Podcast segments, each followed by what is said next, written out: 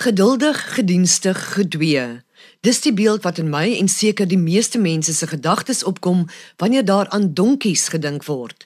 Daar word beraam dat donkies al vir minstens 5000 jaar in diens van die mens is en vir miljoene mense in Afrika en ook elders is die lang ore onontbeerlik om 'n bestaan te kan voer. Ja, ons gesels vandag oor die hardwerkende maar ook hoogs onderskatte en misbruikte dier en hoe klimaatsverandering die kontinent se donkies raak. Donkie staar op die oomblik die grootste oorlewingskrisis nog in die gesig.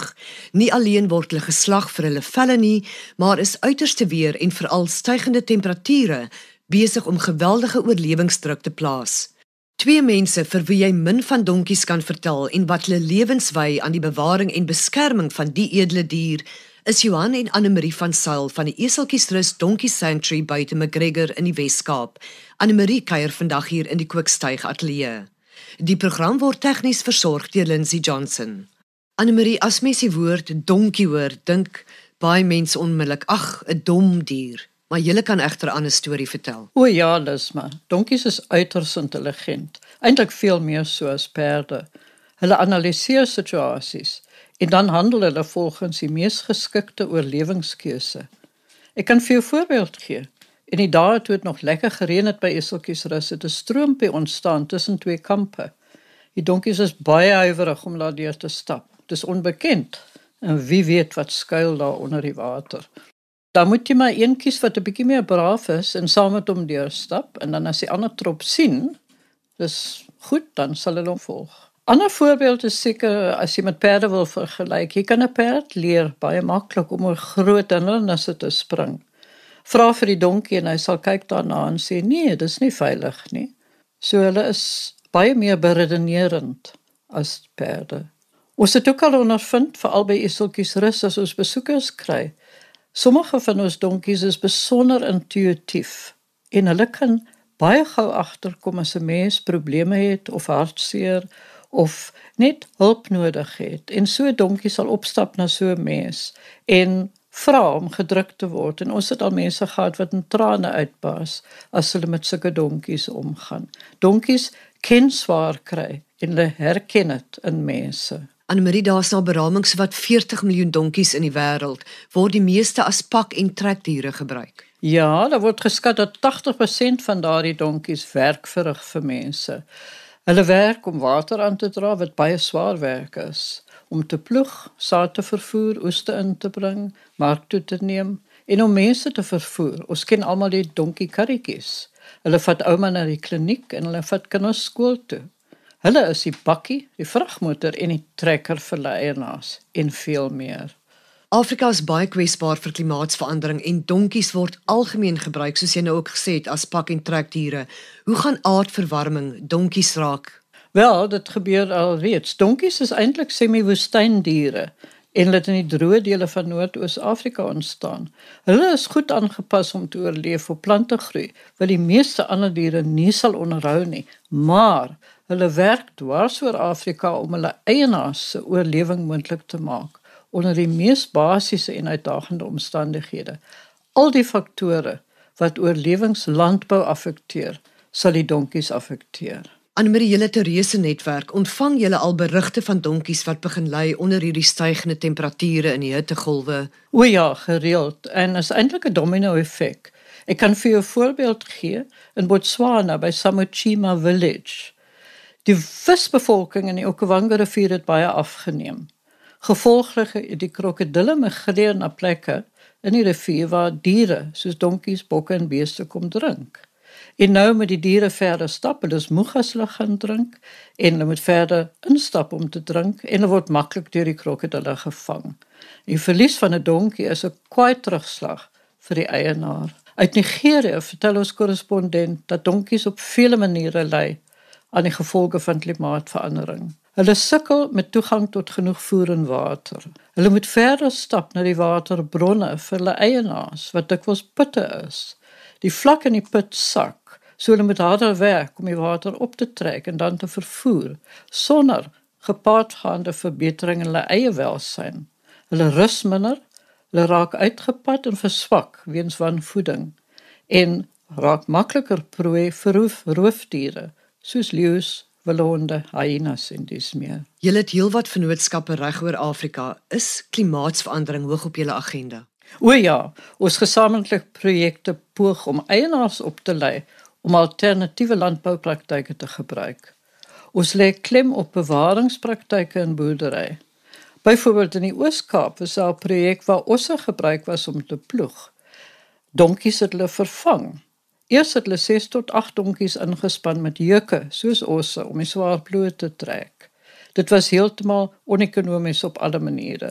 Ligter apparate is ontwikkel Die juk is aangepas en 'n harnas is ontwikkel om die donkie effektief te maak. En een donkie kan nou baie gemaklik werk met die ligter aangepaste apparaat. Verder word die eienaars aangemoedig om nie diep te ploeg nie, maar bewaringspraktyke toe te pas. Min omdolwe van die grond en gebruik van deklaar van mis en plante groei. En hoe sterk is julle plaaslike vennootskappe? Ons vennootskappe is baie sterk. Ons werk nou saam met 'n hele aantal organisasies wat donkiewelsyn bevorder.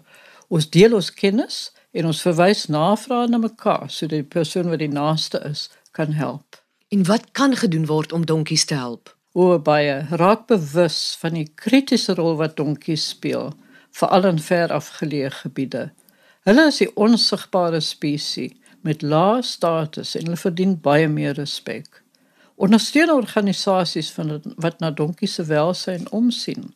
Rapporteer gevalle waaroor jy ongelukkig voel aan die naaste DBV van ons en ons sal dit opvolg. Is hier spesifiek in Suid-Afrika en ook elders in Afrika reeds inisiatiewe onderweg om die uitwerking van klimaatsverandering op werkende donkies te help beperk? O ja, daar is, veral sover dit die werk is wat hulle verrig.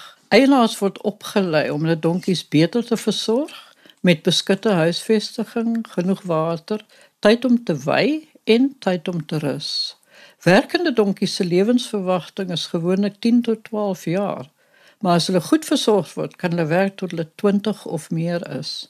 Beide eienaar en donkie baat daarbey as die dier in goeie kondisie is. Vind daar enigsins bewusmaking plaas in landelike gemeenskappe waar donkies algemeen as werkende diere gebruik word? O, definitief ja. Daar's verskeie projekte dwars oor Afrika gemik op opvoeding van die eienaars. Die belangrikste is om die plaaslike inwoners op te lei sodat die projekte onderhoudend en onafhanklik toegepas sal word en nie in duie stort wanneer die aanbieders aanbeweeg nie. Jy stuur gereeld 'n nuusbrief uit oor 'n wye netwerk. Vertel vir ons wat die doel hiermee is. Donkies for Africa bewerkstellig kommunikasie tussen organisasies wat donkiewelsyn in Afrika aanspreek. Ons netwerk strek oor 18 Afrika lande en brei steeds uit. Deur inligting, suksesse, mislukkings en frustrasies te deel, raak ons almal meer effektief.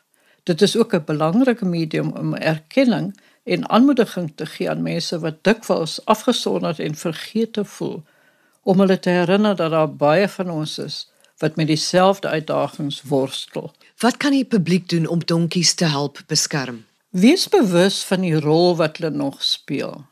Kyk krities na toeriste attraksies met donkies. Karikierite, die donkies moet kan rus, Hulle moenie seere van die harnas toon nie. Die karretjie moenie te swaar wees nie. En kyk veral na petting farms. Dit moet netjies en skoon wees met beskutte rusplek, skoon water, veiding en voer. En hulle moenie aanteel net om vulletjies ten toon te stel nie. Donkies is groepdiere. 'n Enkele donkie is eensaam en kwyn sonder geselskap van sy eie soort. As jy ongelukkig voel oor iets, rapporteer gevalle aan ons of aan die DPV. Annelie, hoe kan ons bydra om die beeld van die donkie te verander en weg te doen met die stigma van 'n blote dom dier en werkesel? Begryp dat hulle nederige, geduldige diere is wat dink. Tree op as 'n donkie ambassadeur. Besoek ons webwerf of ander en leer meer oor hierdie diere wat steeds so belangrik is.